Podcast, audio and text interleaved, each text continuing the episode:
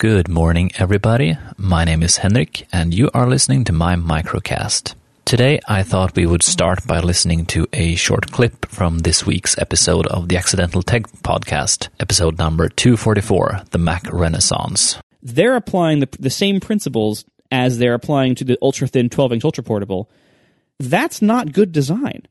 Design is how it works. A famous guy said that once. Like, design is taking the requirements that the people have who are going to use this thing and making something that works well with those requirements and also hopefully looks decent in the process. Generally speaking, ATP is one of my favorite tech podcasts. I think the discussions always tend to be good, and all three participants are contributing in uh, very meaningful ways. And I think this week's episode is a particularly good one. And uh, the quote from Marco Arment that I inserted here uh, really epitomizes what so much of the discussion is about. It's about how Apple has lost its way with the Pro Macs, both the Mac Pro and every Pro grade Macintosh. And just like Marco, John, and Casey, I think that is a shame because Apple used to be in such a great position to make Pro machines. They make the hardware and the software, full integration. They can fine tune hardware and software together, and people aren't afraid to pay a lot of money for Apple stuff. So they can put in the extra time and extra effort and extra expensive components to make truly great machines. And they used to do that. And some of them are still great for their purpose, but there are no real great Apple Pro machines these days. As Marco said, it seems like they focus on the design in how it looks first, but it's not about that. Design is about how it works. Please, Apple, re realize that and make more great Pro machines. For my work's sake, I really hope that uh, this uh, forthcoming uh, Mac Pro will be an awesome machine. Because at my work, we have roughly a hundred desktop uh, computers right now. All of them are Macs. I think 65 of them are iMacs and the rest are Mac Pros. And the iMacs we replace every three years, the Mac Pros every five years, roughly speaking.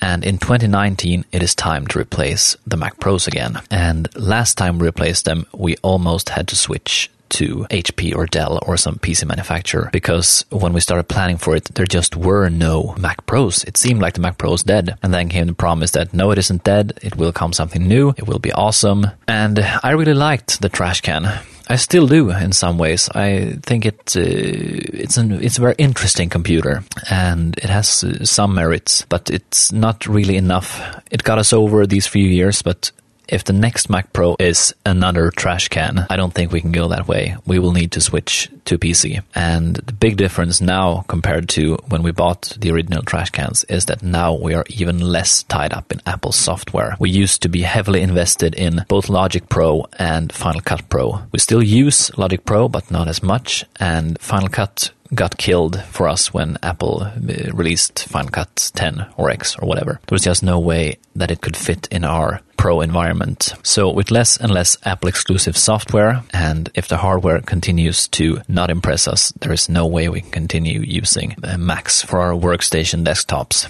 When it comes to my own work, the work that I do personally, I use a MacBook Pro right now. I think it's a 2015 model or maybe it's even 2014. No, it's 2015. Anyway, it's the one that has almost all the ports. I would still like to have an Ethernet port, but that's a discussion for another day. But it has USB, it has HDMI, which is great when you do lectures, like I do. I really, really can't understand why there are no HDMI port on the on the new MacBook Pro. Now, just imagine, would have been so much worse for the new MacBook Pro to look just as it, as it does now on the left side? So, two uh, USB-C slash Thunderbolt 3 ports, and on the right side, it would looked it would have looked just like the computer I'm in front of now. One HDMI port, one SD card reader, one USB Type A.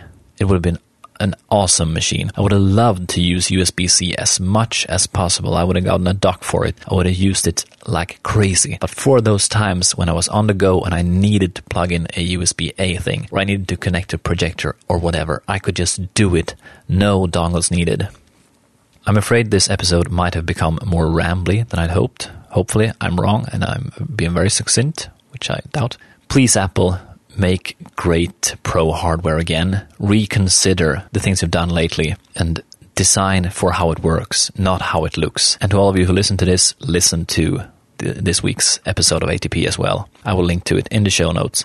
It's a great episode of a great podcast. That's it for now. Have a great day. Bye.